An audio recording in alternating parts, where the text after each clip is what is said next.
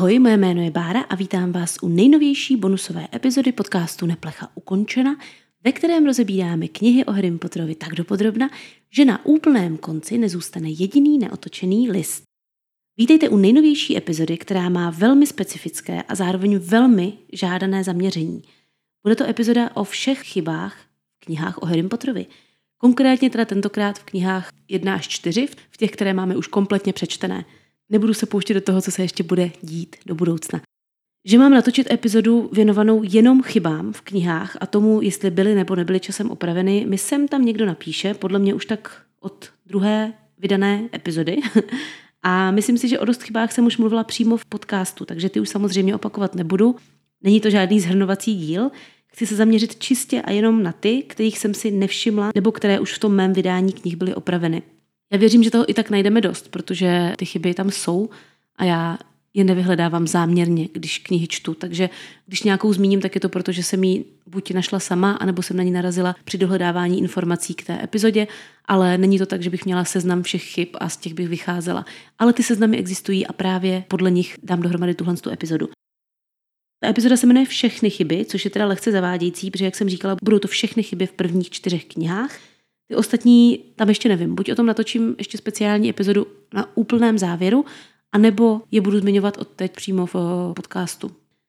Opět bych tady chtěla ještě takový jako disclaimer, ať mi zase nikdo neosočí ze šťourání. Motivem pro tuhle epizodu je čistě zvědavost a potřeba dalších aha momentů. Rozhodně to není snaha autorku jakkoliv zhazovat. Já opakuju, že dělat chyby je naprosto lidské, já je dělám pořád, dělám jich hodně, stejně jako kdokoliv jiný je to tak naprosto v pořádku. Na druhou stranu můžeme se o tom bavit, že jo.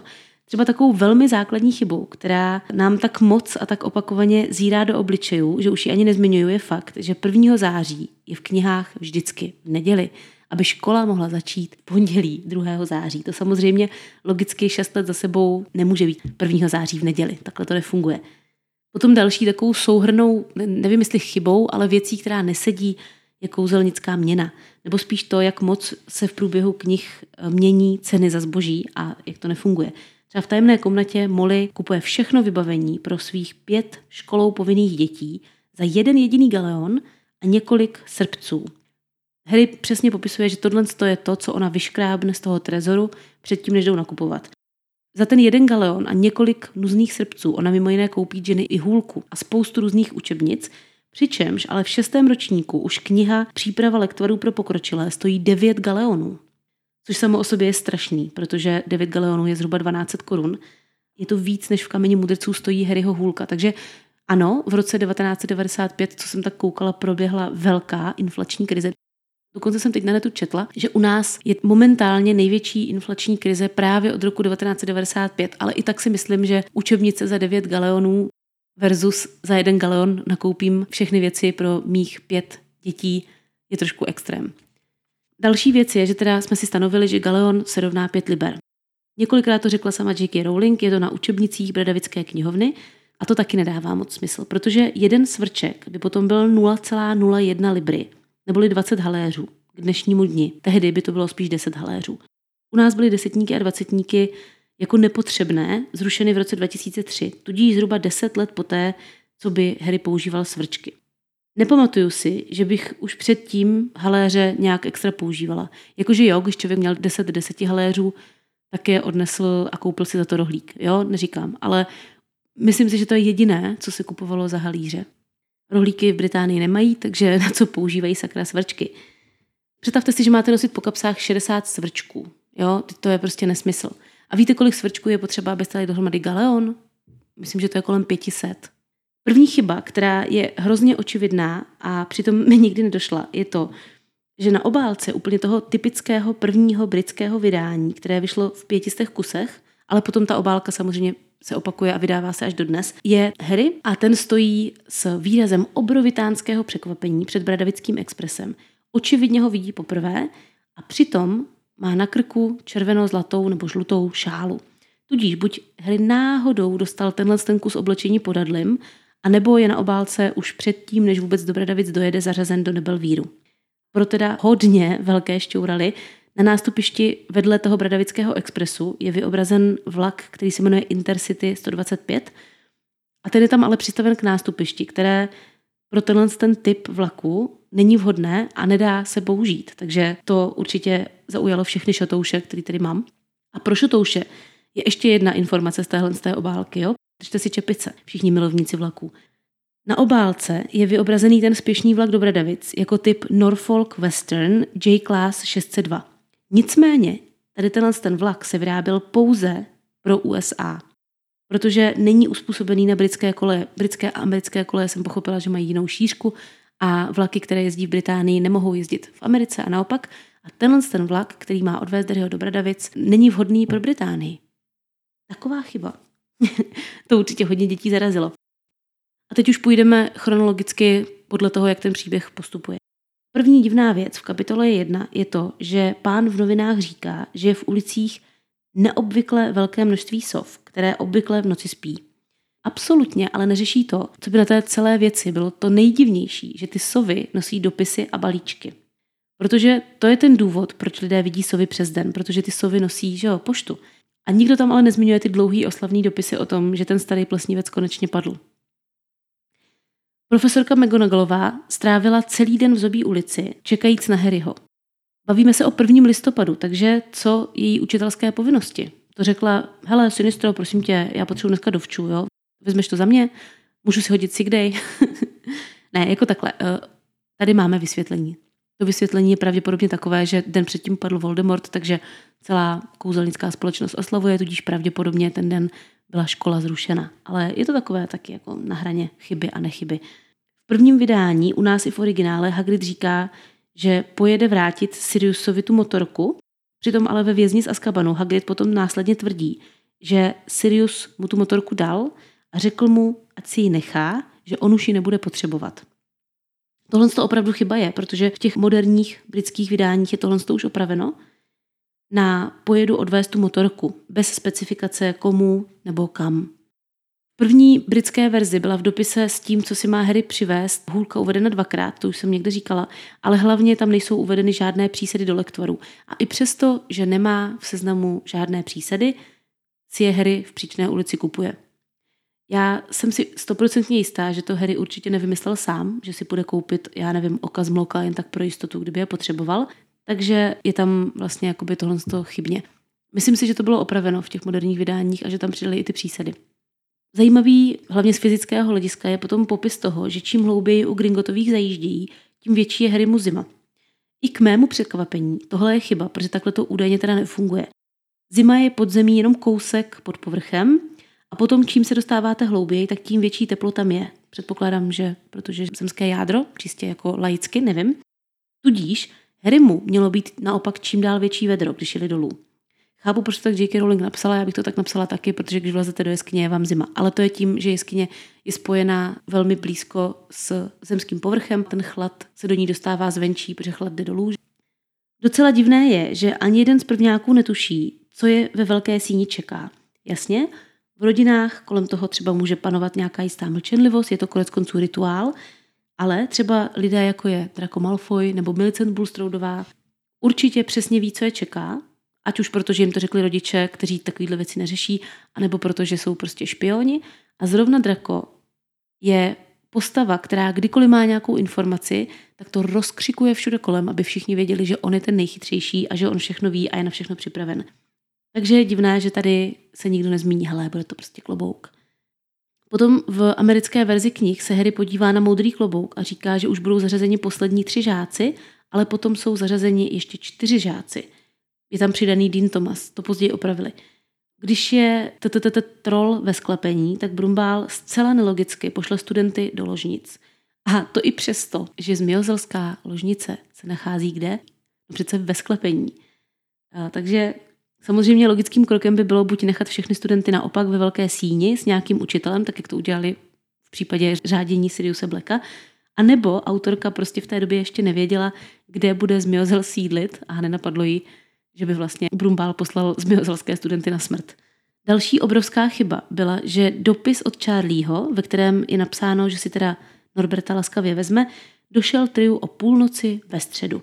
Je to v momentě, kdy se Ron vrací od Hagrida, kde pomáhal právě s Norbertkem a Harry s Hermionou na něj ještě čekají ve společenské místnosti A je tam jasně napsáno, že jsou tam poslední, že všichni ostatní už spí, že je středa a že je půlnoc. V tu chvíli přilétá ta sova od Charlieho. Problém je v tom, že jinde v knize Harry jasně říká, že každou středu vždycky o půlnoci mají astronomii. Tudíž oni by všichni tři se museli ulejvat a to teda úplně v prváku u Harryho a rozhodně u Hermiony nevidím. Navíc, kdyby to bylo těsně před anebo po astronomii, tak by tam ostatní studenti byli taky v té společenské místnosti, rozhodně by nespali.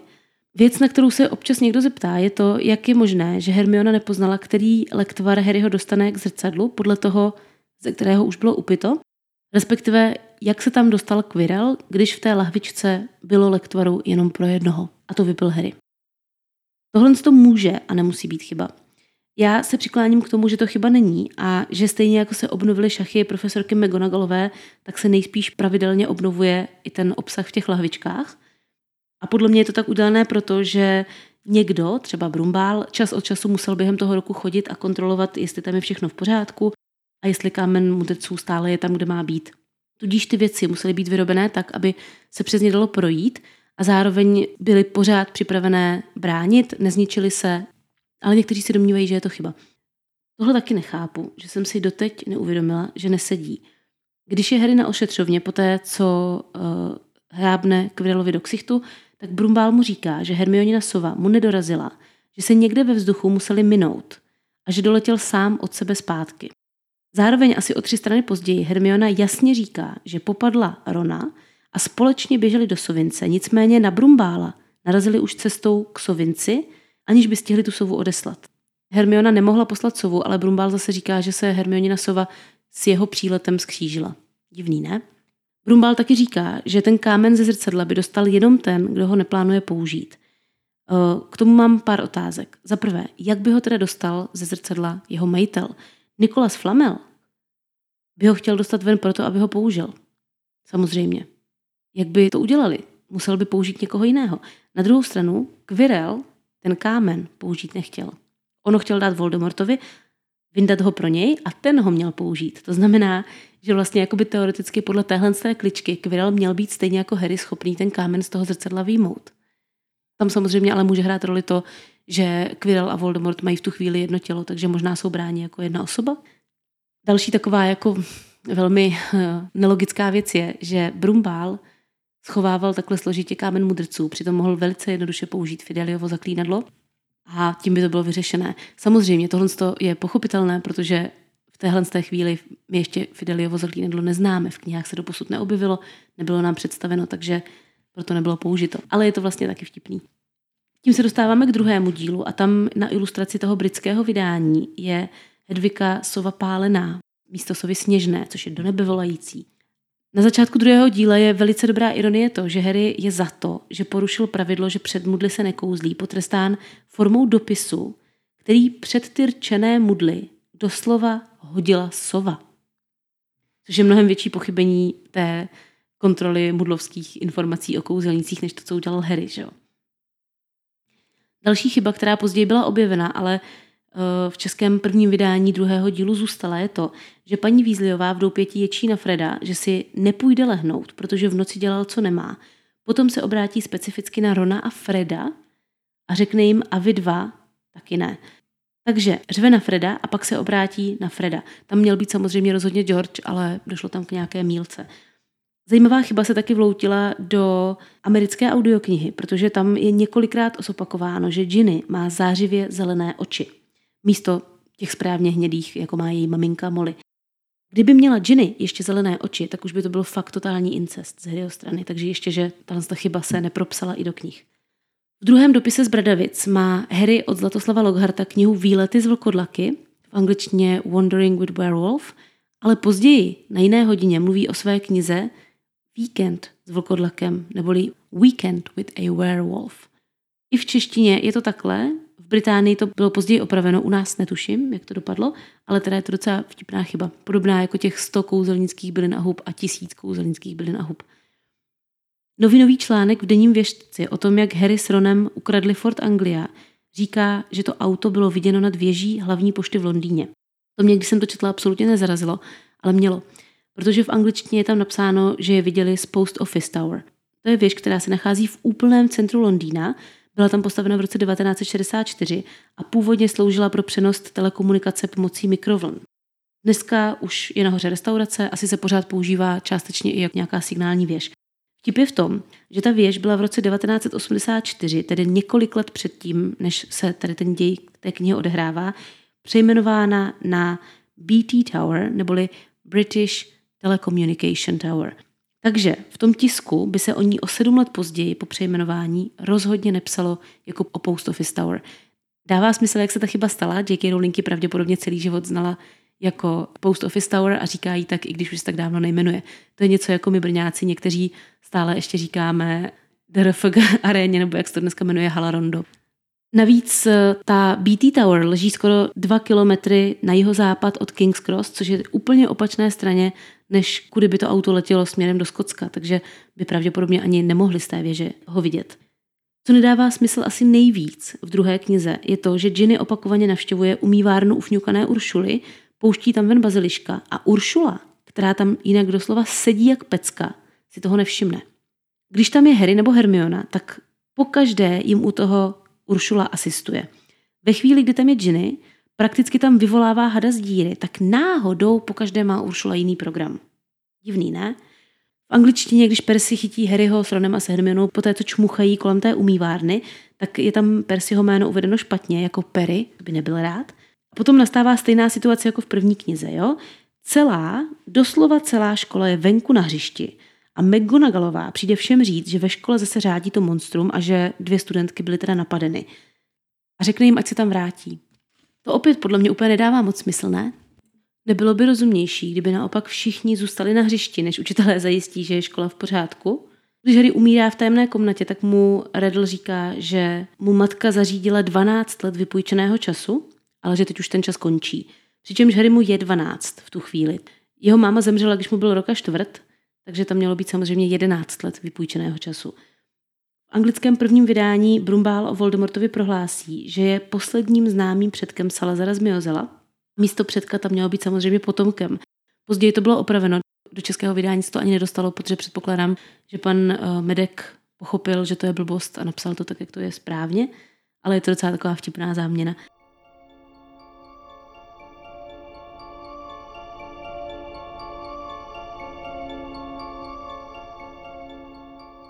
Ani obálka třetího dílu britského není bez vady.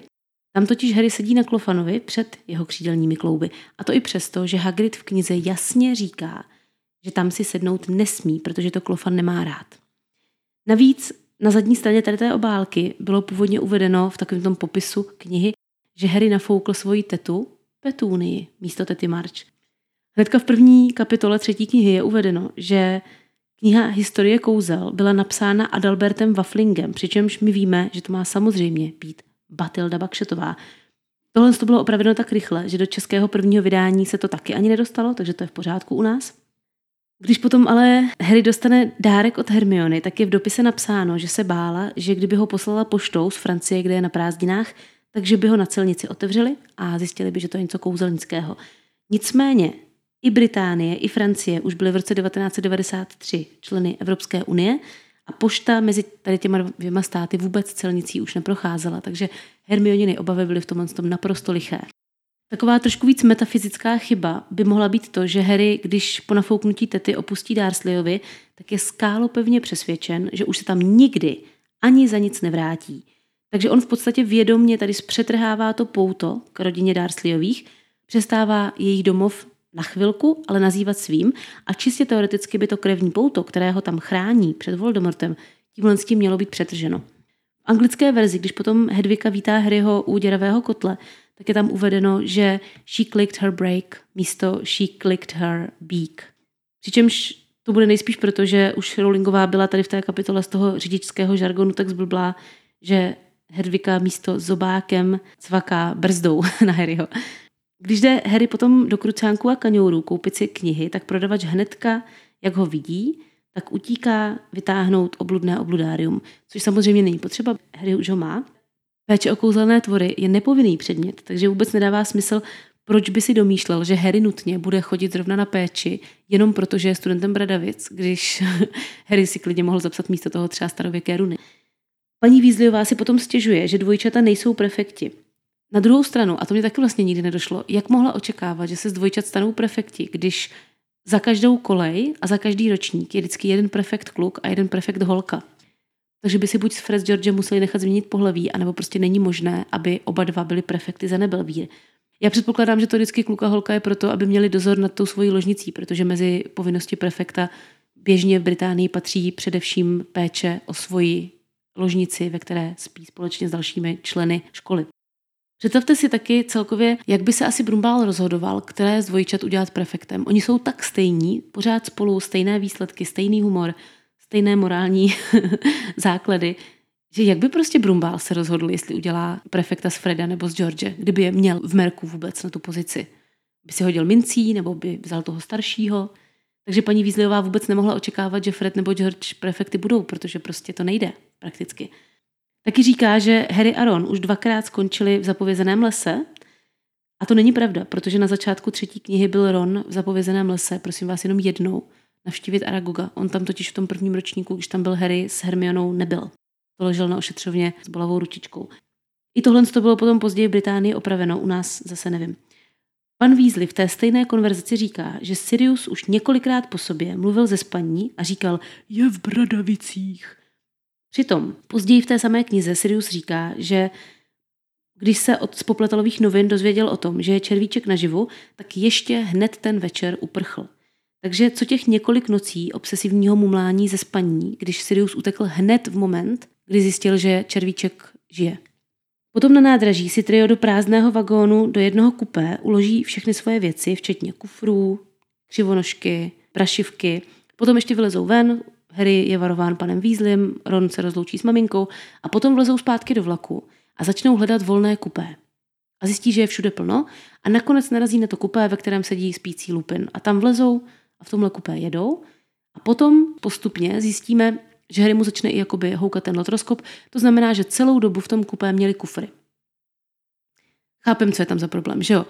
Oni si dali kufry do kupéčka, pak vylezli ven a pak se vrátili a znova hledali kupé a náhodou nakonec nalezli to kupé, ve kterém měli kufry. To je teda překvapení. A překvapilo je, že tam mezi tím sedí někdo jiný.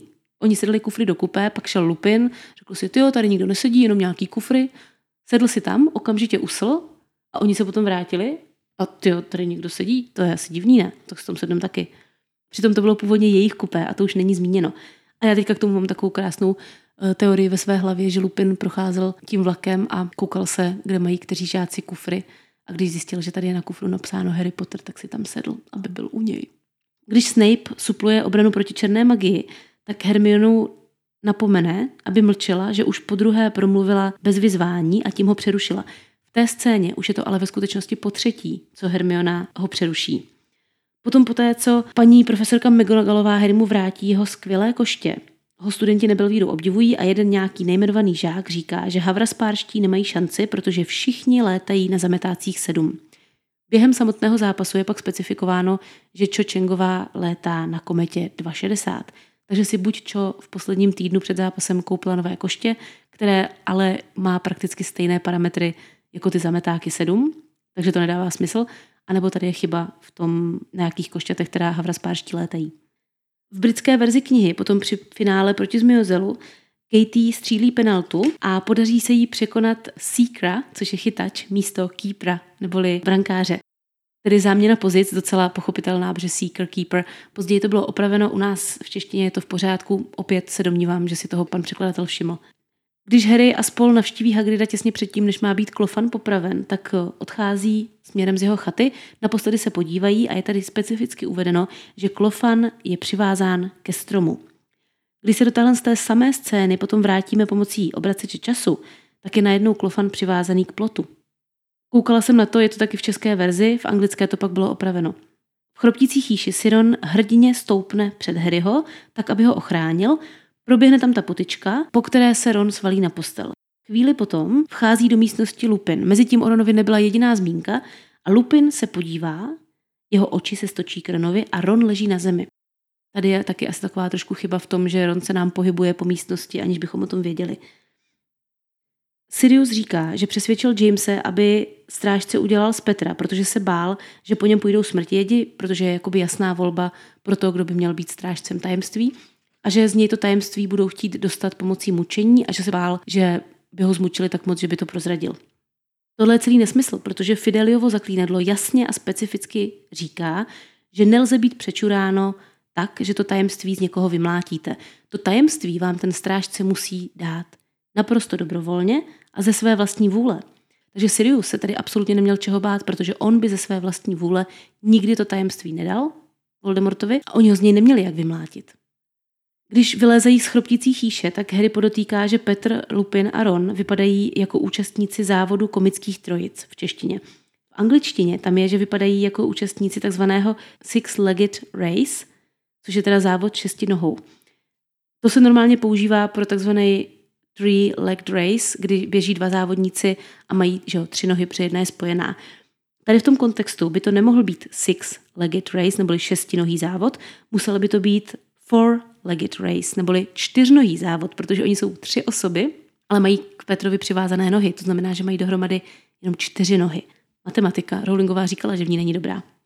Když potom všech sedm účastníků tady tohohle mikrodrama v chroptících jíši vylézá ven, tak jdou v pořadí Lupin, Petr a Ron, Snape, Sirius, Harry a celý ten průvod uzavírá Hermiona. Když potom ale tu stejnou scénu Harry s Hermionou pozorují ze křoví pomocí obraceče, tak se ta skupinka vynoří v pořadí Lupin, Petr, Ron, Hermiona, Snape, Harry se Siriusem. Takže Hermioně se velmi značně změnilo pořadí, ve kterém vylezla z chroptící chýše. Opět v anglické verzi je to později opraveno, v českém vydání je to takhle s chybou. Brumbál později říká, že slovu dvou třináctiletých kouzelníků nikdo neuvěří. Tohle to teda úplně neberu jako chybu, úplně to tu jeho větu nějak eh, ne- nemění, nekazí a vlastně by to ani nebylo divné, protože kdo si pamatuje, kdy mají jeho žáci narozeniny, ale faktem je, že v tuhle tu chvíli Hermioně nejenže není 13, jí je 14 a za pár měsíců už jí bude 15, protože Hermiona je v září a je o rok starší než Harry. V druhé kapitole Ohnivého poháru Harry říká, že to, že Sirius jeho kmotr, zjistil před dvěma měsíci. Přitom on to ve skutečnosti zjistil už před vánočními svátky, tudíž před osmi měsíci. To je docela rozdíl. A v dopise Darsleyovým Molly uvádí, že Británie nepořádala mistrovství světa ve fanfrpálu už 30 let, Eh, přitom ono se koná každé čtyři roky a číslo 30 není dělitelné čtyřmi, takže možná Molly trošku přeháněla. Pan Weasley potom Harryho vyzvedne u Dursleyových a cestují pomocí letaxu zpátky do doupěte tak, že hodí do krbu letax jednou a pak postupně všichni odcestují. Což je v naprostém rozporu s tajemnou komnatou, protože tam specificky si museli každý nabrat hrst letaxu, hodit ji do ohně, říct příčná ulice a pak odcestovat. Navíc Pan Weasley taky u Dursleyových používal kouzla, aby odrazil ty předměty, které po něm Vernon háže. A jak je možné, že ministerstvo z toho neudělalo drama? V čem se liší to, že doby použil vznášecí kouzlo a to, že Arthur používal kouzla proti stýčku Vernonovi? Na mistrovství světa, když se Fred s Georgem vsadí s Ludem ohledně toho výsledku, tak je tam napsáno, že si Fred strčil stvrzenku o té sázce do hábitu, přičemž je tam několikrát předtím zmiňováno, že jsou všichni v mudlovském oblečení, aby je teda mudlové nepodezírali z něčeho divného. Moody potom na první lekci obrany proti černé magii říká, že ministerstvo chce, aby se učili jen proti kledby, ale že on bla, bla, bla, bla, bla. Na konci knihy se naopak Cornelius Popletal rozčiluje, že oni nikdy nezasahovali jako vládní úřad do toho, co se ve škole učí a co se ve škole děje tak na které straně je pravda? Ve třetí i ve čtvrté knize spadá oslava Halloweenu na sobotu, což už jsem zmiňovala, že není možné, aby byla stejná akce jiný rok ve stejný den. Moje oblíbené západy slunce tady musím taky jeden zmínit, protože před plesem ve čtvrtém díle se kluci venku koulují do sedmi hodin. Potom říkají, že už začínala být taková tma, že se šli radši dovnitř nachystat, protože už na to koulování neviděli. Vtip je v tom, že na skotské vrchovině, takhle severně, se kolem Vánoc stmívá už kolem půl čtvrté. To znamená, že v době, kdy se kluci odebrali do hradu, protože už neviděli na koulování, už musela být tma tři a půl hodiny. Jo, a tohle je taky wow, jo. Když je Harry potom na hřbitově ve Vysánku, tak má na sobě pořád ještě hlídáček. Oni ho mají celoročně. Není ve škole. Je v Mudlovské vesnici. Čistě teoreticky ministerstvo by nejenom, že mělo vědět, že nezletilý kouzelník čaruje někde mezi mudly, ale mělo by i zachytit, jaká kouzla tam jsou použita. Stejně jako ve druhém díle oni přesně věděli, že bylo u Darsliových použito vznášecí zaklínedlo. Tudíž oni měli zaznamenat nejenom to, že Harry dělal Expelliarmus ve Vysánku, ale i všechna ta Crucia, Avady a to Imperio, které byly použity v jeho blízkém okolí. A to si myslím, že by byl naprosto dostatečný důkaz pro to, co se na tom hřbitově opravdu stalo. Ale já mám taky ohledně tohohle teorii, pro případ, že by to nebylo opomenutí, ale záměr. Eh, já jsem nedávno nahrávala epizodu o Dolores Umbridgeové, že jo, pro Hero Hero a tam jsem zmiňovala, že Dolores na ministerstvu původně byla vedoucí oddělení nepatřičného užívání kouzel. Tudíž je možné, že poté, co zjistila, že to celé chce popletal tutlat, tady tu Harryho kauzu, tak vlezla na tady ten odbor, na místo, kde dřív řádila a řekla jim, ať to vymažou, nikomu o tom neříkají, nikdy se to nestalo. To by dávalo smysl. Jak moc vtipný by bylo, kdyby jim na ten hřbitov doprostřed té obrovské zuřivé bitvy došel dopis od Mafaldy Hopkirkové. Vážený pane Potre, zaznamenali jsme, že v Malém Vysánku došlo k použití kletby Avada Kedavra. Dostavte se prosím na ministerské řízení. Tak to je všechno z prvních čtyř knih. Ty další si nechám až na úplný závěr asi, předpokládám, jako bonusovou epizodu. A schválně, pokud někdo z vás máte nové vydání Harryho Pottera v češtině a máte hodně času, třeba jste nemocní nebo tak, tak se mi zkuste prosím mrknout, jestli některé z těch chyb, které jsem tady zmiňovala, byly opraveny, anebo jestli ten text zůstal nezměněn. Mě by to fakt zajímalo. Já vím, že některé věci se změnily v těch moderních vydáních, že olbřímý oliheň už je všude obrovská sépě, Brumbál má citronové dropsy místo zmrzliny, Ron má hábit pokalhoty místo potrenýrky a tak ale zajímalo by mě, jestli byly změněny i tady tyhle ty faktické chyby v tom textu. To je dneska ode mě všechno. Já vám moc děkuji za to, že jste poslouchali. A ještě bych vás chtěla pozvat na Hero Hero, protože tento týden tam vyjde velmi speciální epizoda, na kterou se těším, až vám pustím. Já jsem se totiž rozhodla, že si popovídám s chatem GPT a že se ho zeptám na ty nejpalčivější otázky ze světa Harryho Pottera, jako třeba jaká je skutečná funkce gumové kachničky, nebo jestli by Ron s Hermionou měli být spolu a zkusím zjistit, co mi na to tady tenhle ten nástroj řekne. Toho podle mě docela zábavná epizoda, takže určitě vás tam ráda uvidím, uslyším a přečtu si, co si o tom myslíte. Do té doby se mějte krásně, užijte si zbytek vašeho jistě kouzelného dne a no jak to říkám na tom konci, neplecha ukončena.